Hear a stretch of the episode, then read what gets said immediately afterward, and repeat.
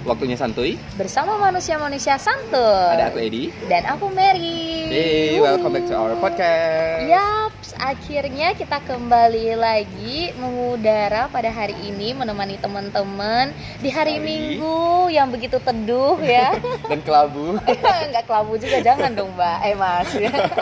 ya, hari Minggu yang santai. Kita berharap teman-teman semua juga sehat-sehat aja. Iya, menikmati hari minggunya. Iya. Nah, eh, kita kemarin udah wawancara dua orang ya, Ed ya. Bener banget, bener banget. Pertama itu food content creator. Bener. Yang kedua juga kita udah eh, wawancarai Miss Chinese Indonesia. Nah, masih tetap dengan tema yang sama nih, yang muda berkarya. Kita hari ini juga kedatangan tamu, Ed. Dia Iya, nggak kalah keren dan menginspirasi pastinya. Jelas dong pilihan Nah, kita. iya, Pilihan kita. Ya, udah kita list gitu ya. Yoi. Nah, kira-kira siapa nih? Yuk kita sambat aja deh. Please welcome. Silakan berbicara. Silakan memperkenalkan diri. Iya, Eh, Oke, terima kasih untuk waktu yang diberikan. Eh, nama saya Marcelo. Eh, tahun ini saya baru usia 29 tahun. Eh, apa lagi ya? Dan pendidikan terakhir saya eh, S3 lulusan dari Trisakti Jakarta. iya. Bagus. Jurusan apa Kak S3? Saya jurusan strategi manajemen. Strategi manajemen, ya. Oh, ini orang-orang manajemen. Iya. Manajemen. Orang-orang strategi ya. Yo, No kaleng-kaleng. Nah, jadi yo, iya jelas. Ih, tapi mudah banget ya udah selesai S3 gitu. Iya, Coba bener. kalau kita Udah puluh Selesai sembilan SD. kita masih nongkrong-nongkrong. Lanjut, kacau lanjut. kacau. Nah, enaknya eh, biasa Kak Marvelo yang ini enaknya dipanggil Marvel. Marvelo gitu Marvelo, ya. Oke, oke. soalnya biasa kita kan ada panggilan sayang yang berbeda. iya, ya. iya benar-benar. Tadi nanti malah pendengar jadi salah paham lagi. Oke, nah kak boleh kasih tahu sejarah singkat dikit nggak? Eh, kakak SMA-nya eh, gimana? Terus kuliah dari S1 sampai S3 tuh di mana? S1 S2 kan tadi kan belum dikasih tahu Bener, nih di bener, mana bener. gitu. Ini ceritanya bakal SMA. panjang sih kayaknya ya. Iya, agak lumayan. Enggak lah. panjang ya. Dirangkum aja gitu. Iya, Aja. dirangkum aja. Eh, kalau perjalanan di SMA itu tidak terlalu apa ya sesuatu yang signifikan sih ya karena di SMA itu ya seperti biasa karena kita tahu zaman saya dulu SMA itu eh, gadget masih belum terlalu booming Oke. jadi eh, waktu itu jadi gadget belum booming jadi kenakalan kita juga ya rata-rata maksudnya biasa-biasa Hmm. tidak sesuatu yang eh, fokus oriented kepada gadget ya Iya. jadi waktu itu SMA karena saya orangnya suka belajar ya larinya ke buku, bukan Us. ke gadget ya. Larinya ke buku karena sukanya eh, belajar. Kemudian eh, lulus, kemudian ambil jurusan bahasa Inggris. Sebenarnya saya nggak langsung S1. Saya ambil D3 bahasa Inggris. Oh, Oh, sempet oke. D3. Iya, D3 bahasa Inggris, kemudian selesai 3 tahun. Saya tidak langsung am- lanjut S1 lagi. Hmm. Saya sempat ambil jurusan Mandarin. Oh, Oh, sekolah iya. Mandarin lagi. Sekolah Mandarin setahun, kemudian baru lanjut S1. Ya, S1 kurang lebih hanya setahun. Itu S1-nya berarti jurusan apa dong? Saya di marketing. Oh, marketing. Iya, jadi agak beda. Tapi eh, waktu saya D3 bahasa Inggris pun marketing Inggrisnya. Oh, oke oke. Iya, cuman tidak tidak spes, tidak bukan konsentrasi sih, Mm-mm. tapi lebih banyak mata kuliah ke marketing. Mm-mm. Kemudian lanjut S1 marketing, kemudian selesai setahun lanjut langsung lanjut ke S2. Mm. Iya. S2 saya ambil jurusan manajemen Mhm. sama ilmu ekonomi pembangunan. Oke. Ya, jadi ada dua sekaligus saya ambil di tahun yang sama dan lulus di Wow. tahun yang sama. Waduh. Wait, wait, berarti dia ada dua nih ya? Iya. Buset. Bentar, lanjut, Bentar, lanjut. ya. lanjut, Iya. lanjut. Nah, saya biasanya normalnya itu kalau lulus S2 itu kan 2 tahun. Mm-mm. Paling cepat. Saya itu baru satu tahun tiga bulan. Satu tahun tiga bulan dan satunya lagi tiga bulan setelah eh, Yang pertama itu? Yang pertama, iya, Oh. karena tidak bisa barengan. Oh, oke, oke. Tidak diizinkan sama kapolrinya. Mm-mm. Nah, kemudian satu tahun, anggap satu setengah tahun saya selesai lanjut ke S3. Hmm. Nah, S3 juga sama. Saya juga jadi lulusan paling cepat dari daerah. Oke. Karena dari pemerintah menetapkan S3 itu tiga tahun paling cepat. Mm-mm. Heeh. Saya selesai hanya dalam waktu satu tahun setengah bulan. Wow, Satu separohnya. tahun Iya. setengah bulan. Iya, eh bukan enam bulan, Oh, satu tahun oh, satu setengah. tahun setengah. Iya, Setengah. jadi lebih Bisa- Iya, awal ya, lebih harusnya cepat. tiga tahun bu Iya, jadi Gila saya sih. pos. Iya. Jadi saya mau tidak mau postpone eh, waktu saya setengah tahun untuk sambil nunggu ijazah saya keluar. Oke, Oh. ini nih aku mau nanya, berarti gelar kakak di belakangnya banyak banget dong. Inggris juga diambil, Mandarin diambil, Iya. apa manajemen? Manajemen. Cuma Mandarin itu tidak tidak ada gelar. Oh Oh, iya, tapi iya. ya itu Iya, skill lah ya. Iya, skill kita tambahan gitu. Dan eh, bahkan tahun depan nggak tahun semester, semester ini akan ada rencana untuk lanjut kuliah lagi tapi di luar negeri. Oh oke oke, wow. Ini aku kayak zrup langsung minder. Iya. Nih, tapi bentar ya Ed ya, sebelum Iya, kita iya. lanjut ke pertanyaan sebelumnya. Nih, eh, kita pengen ngasih tahu teman-teman ya. Jadi Kak Mhm. Marvelo yang ini adalah kakak tingkat kita waktu dulu di SMP Iya, ya, iya, benar iya. nggak? Kayaknya Waktu kita, kita SMP, SMP, nah beliau ini udah SMA. Ah, benar, nah, benar. jadi kayak kakak tingkat jadi tahu lah. Beliau ini ya dari sejak SMA udah sering juara kan? Benar nggak? Iya, juara satu. Ya juara satu terus kayaknya. Iya, makanya itu dia, makanya Aduh, speechless us- banget. Aduh, parah deh. Oke, nah Kak Marvelo nih, kita kan pengen tahu nih eh, perjalanan panjang eh, sepanjang itu gitu ya. Mhm. Dari pendidikan dari SMA gitu, sering juara, lanjut eh, D3, S1, S2 sampai S3 gitu. Nah, kami pengen tahu motivasi apa sih yang ngedorong Kakak untuk bisa sampai ke S3 itu? Apa sih yang Kakak kejar gitu? Mengambil mengambil pendidikan yang sebanyak, sebanyak itu gitu gitu, loh. bener. Eh, se- Motivasinya apa? sebenarnya eh, saya juga nggak tahu ya memang dari dalam diri yang Tuhan kasih gitu ya Mhm. keinginan belajar itu sangat kuat saya itu Hmm. dan memang mungkin salah satu yang menjadi eh, pertimbangan saya adalah di keluarga saya kan saya berdelapan saudara dan tidak ada yang sampai kuliah Oh, gitu. Oke. hanya satu-satunya saya anak paling terakhir yang bisa eh, menyandang gelar terakhir S3 Mhm. jadi eh, sekaligus bisa dikatakan sebagai eh, kebanggaan lah buat orang tua Mm. Mhm. Ya, terlepas dari itu ya memang hanya membanggakan orang tua dan ya memang saya suka belajar. Mhm. Ya itu internal sih, motivasi internal. Jadi kayak ada kepuasan tersendiri lah ya, Iya, bisa iya, mencapai iya. Dan- sesuatu yang kita suka. dan saya berpikir ini juga bisa menjadi satu good model sih buat anak saya ke depan misalnya Hmm. kalau Oh, iya, kita betul. punya keluarga gitu ya itu bisa menjadi satu contoh yang baik minimal kita bisa punya teladan yang bagus lah Hmm, Mungkin oke. untuk kedepannya anaknya S10 gitu ya. Kalau ada S ya. tapi nih, ya ngomong-ngomong nih kak, maksudnya eh, kan kakak kan pendidikan nih tinggi tinggi dong kan, karena bahkan rencananya masih mau kuliah di luar Luar negeri negeri. lagi. Kakak nggak takut apa cewek-cewek pada minder atau apa Eh, gitu?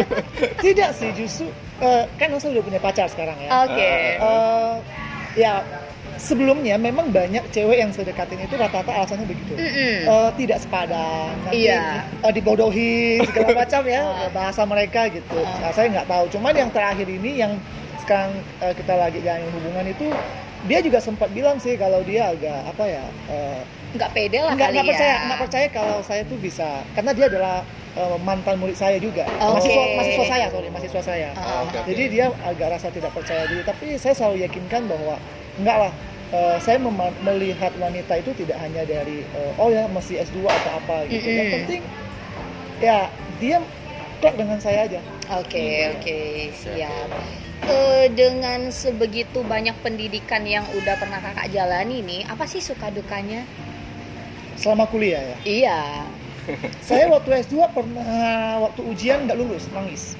Oh, itu dukanya ya. Itu pengalaman yang tidak akan saya lupakan. Oh ya? Iya, dan itu juga bisa jadi. se- Saya berpikir ini mungkin rencana Tuhan juga. Kenapa? Karena ketika eh, saat ini, ketika saya ngajar gitu ya, Mm-mm. banyak mahasiswa juga takut sih, Oke. takut dengan tidak lulus atau apa. Nah itu bisa menjadi satu apa ya motivasi buat mereka bahwa itu bukan satu kegagalan yang mengakhiri semuanya Mm-mm. gitu ya. Justru itu harus kamu pacu eh, bisa lebih baik gitu ya. Yang namanya kegagalan, tidak naik kelas, eh, tidak lulus itu pernah saya alami. Hmm. Iya, cuman yang menguatkan saya adalah bahwa eh, saya harus berjuang karena saya sudah memulai. Hmm. Iya. By the way, ini kan kakak kan eh, selesainya kan cepet. Ini masih bahas duka. Ini kan selesainya cepet nih. Mm-mm. Eh, terus maksudnya sempet eh, eh, duka itu kan ya sempet nggak lulus Iya, gitu iya. kan? Itu tuh kenapa kak? Karena kalau Bahkan misalnya sampai cepet enggak cepet naik kelas lulus juga. berarti pinter kan? Iya Jadi- benar-benar benar. Jadi, Logikanya kan Nah, ini gitu. sebenarnya lebih kepada eh, apa ya? Kan gini, kalau kita bim- eh, membuat tesis Mm-mm. itu kan arah ada dua ar- arah ya, satu Mm. dari kita, satu dari pembimbing. Mm-mm. Nah, ketika saya nyusun tesis ini ternyata pembimbing utama saya itu sibuk pertama. Oke. Kedua dia eh, menurut saya dia kurang menguasai eh, metodologi. Oh. Sehingga ketika saya ngolah eh, disertasi saya, data saya, ternyata ada satu teknik atau langkah yang tidak eh, termasukkan. Hmm. Sehingga ketika ujian ketemu pakarnya. Oke. Mm. Iya, jadi- Itu bukan kesalahan sih sebenarnya, itu lebih ke, ke- ketidakjelian eh, pembimbing saya sih sebenarnya. Hmm. Dan di luar itu ya saya nggak tahu ini eh, apa gosip atau apa. Memang antara penguji dan pembimbing saya itu ada crash. Oke. Itu udah lama. Nah, itu sudah lama. Oh, gitu Bukan hanya ya. saya sih. Tapi beberapa juga gitu Ya, ya. setiap bimbingan mereka itu akan kalau ketemu pasti akan selalu begitu. Oh. Iya, selalu akan di apa ya? eh, ya dibuat se sedemikian rupa Iya lah ya, gitu. Iya. Berarti itu kan dukanya dalam me- mengerjakan tesis Iya, gitu ya. iya. Oke oke. Terus sukanya apa kak? Misalnya masa-masa indah di kuliah kak, bertemu orang-orang baru. Benar, benar, benar. gitu kan. kalau selama kuliah ya paling teman sih. Dulu saya masih ingat eh, waktu di bahasa Inggris saya nggak kenal yang namanya eh, skip kelas apa sih namanya bolos, Ah, gitu. bolos. jadi kenal Oh, gitu ya? iya dulu apa ya nggak dulu saya kan orangnya agak cupu ya namanya Iya. nggak belajar jadi secara Kutu buku gitu iya, ya? Kutu buku, sangat iya. banyak banget kan tapi Ah. ketika sudah punya teman ya Mulai menikmati. ya menge- mengenal oh dunia itu seperti ini ya Oke. bukan cuma Sebelum- buku-buku dan buku Iya, Sebelumnya ya. di perpus mulu sama perpus, buku iya. gitu ya. Dan kita juga jadi akhirnya banyak channel sih ya, banyak Iya. jaringan karena banyak teman dari berbagai. Di S3 saya, saya eh, teman saya yang ambil S3 itu ada anggota MPR, Wow. ada rektor, ada dekan dari Oh. berbagai universitas, kemudian ada apa? eh, pembantu pembantu menteri. Oke. Ya, itu oke. di Trisakti itu memang sangat terkenal ya. Heeh. Itu jadi kita banyak ya komunikasi lah dengan mereka soal Hmm. partai, bisnis, segala macam politik. Jadi channel banyak ya. Tapi Iya. emang aku setuju sih. Mhm. karena ilmu pengetahuan itu nggak cukup aja nggak cukup sampai di ilmu pengetahuan Iya. buat kita kita juga butuh relasi kita Benar, butuh channel orang-orang ya sekitar buat membantu kita gitu kan Bener banget. Eh, itu suka dukanya wes mantep banget sih Iya. Oke, nah seperti yang kita tahu nih eh, untuk Kak Marvela sendiri kan udah ngalamin suka dan duka gitu ya. Dan kita juga ngelihat perjalanan Kak Marvela juga udah sejauh ini gitu. Boleh dibilang Kak Marvela itu kayak role model kami lah gitu Mm. ya. Hmm. Nah, kami juga pengen tahu nih tips dan trik dari Kak Marvelo untuk bisa nyelesain S3 di usia muda tuh gimana sih? Mungkin dan ada yang waktu trik- yang cepet gitu dengan waktu yang cepat gitu. Mungkin ada tips dan triknya. Eh, saya selalu bilang sama mereka yang kuliah, eh, tidak ada cara cepat sih kayak kita pakai mantra atau apa Iya, ya. benar Yang ada ada satu kunci sebenarnya kalau mau cepat selesai yang saya selalu sebut sebagai eh, starting point. Jadi kita itu harus mencuri starting. Maksud saya begini, ketika kita proses kuliah itu kan ada waktu setahun satu tahun setengah ya. Kalau S3 itu satu tahun setengah Iya. itu sama untuk menghabiskan semua mata kuliah. Nah saya itu bahkan sebelum masuk S3 saya sudah buat modelnya Oh. konseptual modelnya pun bahkan proposalnya dari bapak itu sampai bab tiga udah jadi Wow. iya bapak itu Tan- tanpa bimbingan belum belum Bimbingan. tahu nih ini judulnya bakal diterima atau Iya. enggak tapi bikin Nah, aja dulu ini yang banyak menjadi kontroversi mahasiswa pak nanti kalau saya sudah ajukan tapi tolak bagaimana Nggak saya sesuai malah iya saya arahannya bilang gitu. sama mereka nggak apa-apa kita sudah punya pengalaman toh dan Iya. kita sudah apa ya istilahnya udah ada, ada, ada- apa gambaran bagaimana mau mengerjakannya Mm-mm. berarti kita gini kalau kita salah artinya kita sudah pernah mengerjakan iya Hmm. benar tinggal perbaiki kita Iya, iya. daripada kalau kita tidak pernah uh, mengeluarkan ide kita itu akan blank gitu Hmm. dan Mm-mm. masalahnya adalah kalau kita belajar itu ada waktu moodnya gitu loh Mm. kalau mood kita bagus itu nggak masalah ya dia akan Hmm. Iya, iya, iya. uh, bisa kita pertahankan kalau moodnya nggak baik kita skip 2 tahun aja itu bisa sampai di drop out loh kita Iya iya waktunya jadi yang sia-sia gitu. Iya, jadi kita tuh harus isinya begini, kreatif lah ya. Eh, sebelum se- bahkan sebelum kuliah kita sudah mikirkan saya mau ambil konsentrasi apa, saya mau meneliti apa itu sudah harus ditanya info-info sih. sebenarnya. Hmm, berarti itu cara yang kakak pakai Itu dari selalu. S1, S2, S3. Ada mulai dari S2. Oh mulai dari Iya, S2 ya. iya. Oke. Makanya waktu saya ambil S2 kan eh, sekaligus saya dua jurusan itu saya pertama satu in- eh, satu jurusan dulu Oh, saya dapatkan dulu modalnya bab tiganya udah Uh-uh. selesai baru saya loncat ke Baru yang fokus lain. ya? Iya. Oke. Iya, kalau udah pembahasan hasil kan sangat mudah. Mm-mm, mm. Yang penting itu dari ACC ya sudah. Oke. Nih guys buat kalian yang juga penyuka belajar ya Mm-mm. dapat tips yang ini ini out of my mind sih gitu Iya, maksudnya nggak benar, nggak benar. kepikiran aku Iya. gitu bener yang juga penting starting point starting point dulu Iya. Iya, benar banget. Itu soalnya kan eh, aku mengakui ya, aku juga sempat kebingungan waktu nyusun menyusun Skripsi. Iya. skripsi Skripsi, gitu. Dan emang benar itu butuh waktu kayak beberapa bulan. Aduh, apa ya, ya judul yang mau aku angkat? benar benar gitu. Hmm. benar Jadinya tuh iya sih. Nanti ya mungkin aku bakal melanjutkan studi ya mungkin. eh, ikut dong Mer ikut dong satu aja udah nggak ngapan pak. iya benar udah Apalagi udah hampir lanjut. berhenti tengah jalan ya Oh nggak sih. karena ada ada plusnya kalau kita eh, membuat konsep itu duluan karena begini ketika kita kuliah kan masih ada dosen Mm-mm. dan banyak dosen toh Iya. dan apalagi kalau kita bertemu mata kuliah metodologi Mm-mm. disitulah pas kita benar-benar eh, harus bertanya apa yang sudah kita kerjakan Yes, Iya, benar. sehingga kebingungan kita itu sudah ter, eh, apa terjawab Iya, benar. jangan sampai mata kuliah itu udah selesai dosen udah nggak ada ngajar kita kita masih mau cari bertanya-tanya siapa? gitu. Iya benar Kan benar. kebingungan. Cari dosen tuh bukan hal yang iya yang mudah juga kan. Benar, benar, benar. iya Mhm. Mantep deh. Kak, kan dengan pendidikan yang begitu banyak nih, status karir dari tadi nih kita belum sempet nyinggung Iya, nih. benar benar Nah kita pengen tahu penasaran nih. dengan eh, status pendidikan yang uh, begitu membuat kita wow tercengang ya. Status karir kakak sekarang apa gimana?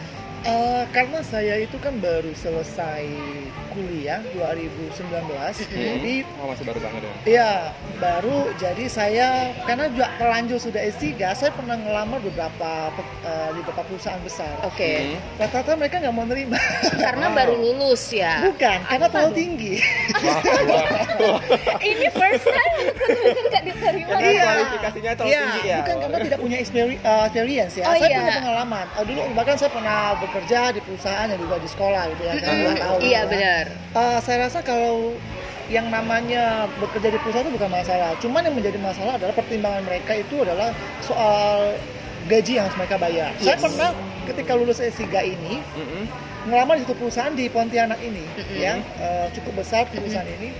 Alasan mau, dia menolak saya hanya satu. apa Eh, dia bilang, "Bapak eh, levelnya bukan di sini, Pak. Levelnya Jakarta." anda ke Pusat." anda kebahalan pak Iya. Maksudnya gitu Enggak, karena Nggak kebetulan, cocok di Pontianak gitu kebetulan, eh, direktur dia itu teman kuliah saya di Trisakti. Oke. Saya sebut nama beliau, dia terkejut. Kok kamu kenal beliau? Uh-uh. Teman kuliah saya, dia langsung mengarahin ke Jakarta Iya. aja Oke. speechless loh orang Salah. orang biasa ditolak tuh Iya. karena ah, nggak ada pengalaman Iya. pendidikan itu ini Iya, malah ya. perusahaan yang minder gitu iya. lucu banget Dan akhirnya saya eh, coba ngelamar jadi dosen karena itu eh, the only one alternatif yang saya punya. Mm-mm. Yes. ya. hmm. Dan eh, satu sisi yang menjadi apa ya advantage buat saya adalah dengan pendidikan saya yang tinggi itu adalah eh, peluang saya itu besar di kampus di Mm. universitas Mm, ya. mm, mm, mm. Jadi ketika saya pertama kali masuk banyak yang sudah istilahnya mengancang-ancangkan saya, oh nanti kamu di sini, di sini, di sini. gitu. Mm-mm. Jadi eh, menurut saya karir ke depan di bag- eh, untuk education ini sangat besar buat saya. Iya, Artinya iya. ada prospek yang sangat besar buat saya. Cuman tinggal tunggu timingnya aja sih. Mm-mm. Karena kan namanya kita masih eh, pekerja baru ya, dosen baru, Mm-mm. eh, pasti atasan itu pertimbangannya ada dosen lama. iya Iya, benar benar benar banget banget. itu aku alamin Iya. juga Ya, saya selalu diingatkan untuk eh, kerja dulu yes ya nanti seiring waktu pasti ada ada itu ada peluang peluang Berarti Kak Marvelo ini sekarang adalah salah satu dos, eh, dosen di Iya. salah satu universitas yang Iya. ada di Pontianak. Iya. gitu. Oh, oke ngerti Al- ngerti. ada ngajar mata kuliah khusus atau apa enggak? Atau Eh, kebetulan semua saya Oh, jadi Iya, empat? karena jago Iya. semua bidang ya kan Inggris bisa. Iya, saya pernah di semester lalu saya eh, dua semester lalu saya disuruh ngajar ekonomi internasional. Oke. Tetapi karena spesifikasi atau spesialisasi bukan di situ, Heeh.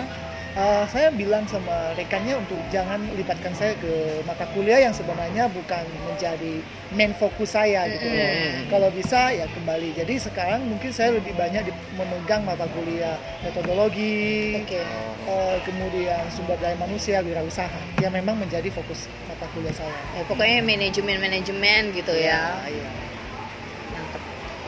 Oke, nah untuk pengalaman-pengalaman yang kakak cerita ini, mungkin kakak punya pesan-pesan tertentu nih untuk pendengar kita ya yang Iya. hari ini yang mungkin ya mereka basicnya juga suka dengan dunia pendidikan, mungkin ada yang kebingungan pengen lanjut kuliah atau udah kuliah tapi eh, ngejalaninnya berat atau apa gitu kakak punya pesan-pesan pribadi nggak untuk mereka ini Untuk yang suka kuliah ya, Mm-mm. untuk general deh Ah, untuk general, mereka gitu yang pengen mendapatkan insight Anda- dari kakak sendiri gitu saya tuh begini eh, pengalaman dari pengalaman hidup saya dan juga melihat mahasiswa-mahasiswa saya ya bahwa saya selalu mengingatkan kepada mahasiswa-mahasiswa saya bahwa gini loh eh, pendidikan itu penting kalau kita yang memang mencintai pendidikan sekolah ya harus sekolah dengan serius dan jangan tanggung-tanggung ya kalau misalnya seperti kalian yang ingin misalnya jadi oh punya yai dosen atau apa ya harus sampai selesai sih Mm-mm. tapi kalau tidak suka belajar, tolong jangan eh, ikut-ikutan dengan teman-teman yang lain. Hmm. Ya, kalau memang tidak suka eh, belajar, saya mau katakan begini bahwa kehidupan kita itu tidak hanya ditentukan oleh satu aspek. Mm, bener. pendidikan Yes, saja. pendidikan, benar. Ada orang yang mungkin eh, tidak suka pendidikan, tapi dia punya skill yang yang bisa dia jual dan Mm. itu lebih berharga menurut saya. Jadi Yes. daripada ikut-ikut orang gitu. Iya, ya. Habisin waktu juga. Iya, kan? iya habisin waktu dan masa muda kita begitu. Iya. loh. Karena sekolah itu kan tidak waktu yang singkat itu. Benar. Kita butuh bertahun-tahun dan butuh effort yang cukup besar gitu kan. Daripada membuat kita kalang katung gitu tidak jelas arah hidup kita ya, ikutin apa yang menjadi kemampuan dan nurani kita gitu loh. Kalau Mm. misalnya ingin jadi artis ya udah ke artis gitu. ya. Iya. Kalau memang ingin jadi dosen atau suka berpendidikan atau bereksperimen di dunia pendidikan ya pendidikan gitu. Mm-mm. Jadi ikutin eh, jangan jangan apa ya ikutin hati kita tapi jangan ikutin orang gitu loh. Iya, benar. Karena hidup kita yang mesti kita tahu adalah setiap hidup kita tuh beda-beda. Iya, Hmm. Iya, jadi nggak boleh disamaratakan ya. Jadi kalau misalnya kan kadang orang tua begini, kamu sekolah tinggi-tinggi Hmm. Mm-mm. ya biar kamu jadi orang hebat. Iya. Nah, saya mau katakan begini, eh, kita boleh menerima usulan orang tua, tapi kita komunikasikan dengan orang tua kita dengan baik-baik bahwa eh, pendidikan yang tinggi atau apa yang memaksa kita harus berpendidikan kalau kita nggak mau itu bukan satu-satunya cara buat kita mendapatkan masa depan yang baik. Iya. Hmm. It's not the only one way gitu loh ya. Yeah. Masih banyak cara lain. Ya. Tapi yang jelas yang saya banyak lihat adalah orang akan berhasil bagi masa depannya kalau dia mengerjakan sesuatu itu dengan mencintai pekerjaan itu. Hmm. iya. keren banget benar benar benar berarti ya kan setuju sih soalnya juga memang eh, ada yang dia harus menjalani studi karena tuntutan orang tua Iya. aku ada kenal sih salah satu temen nah Mhm. jadi eh, orang tuanya ini dua-duanya dokter jadi Wow. anaknya eh, koko cecenya juga dokter sehingga dia dituntut juga harus studi kedokteran harus jadi dokter dia mengikuti arahan itu gitu tapi ternyata ya dia tidak sebahagia yang sebenarnya gitu karena jadi nggak sesuai isi hati Iya. Yes, ya. itu agak disayangkan sih. Meskipun mungkin pada berjalannya waktu akhirnya dia menyukai profesi ya ini. Cuman ya sayang aja gitu. Dan sebenarnya ada efek efek yang buruk kalau kita mengerjakan sesuatu yang kita tidak suka. Contoh kalau misalnya kita disuruh paksa kayak tadi ya teman teman si Mary uh, kedokteran itu bisa bahaya loh.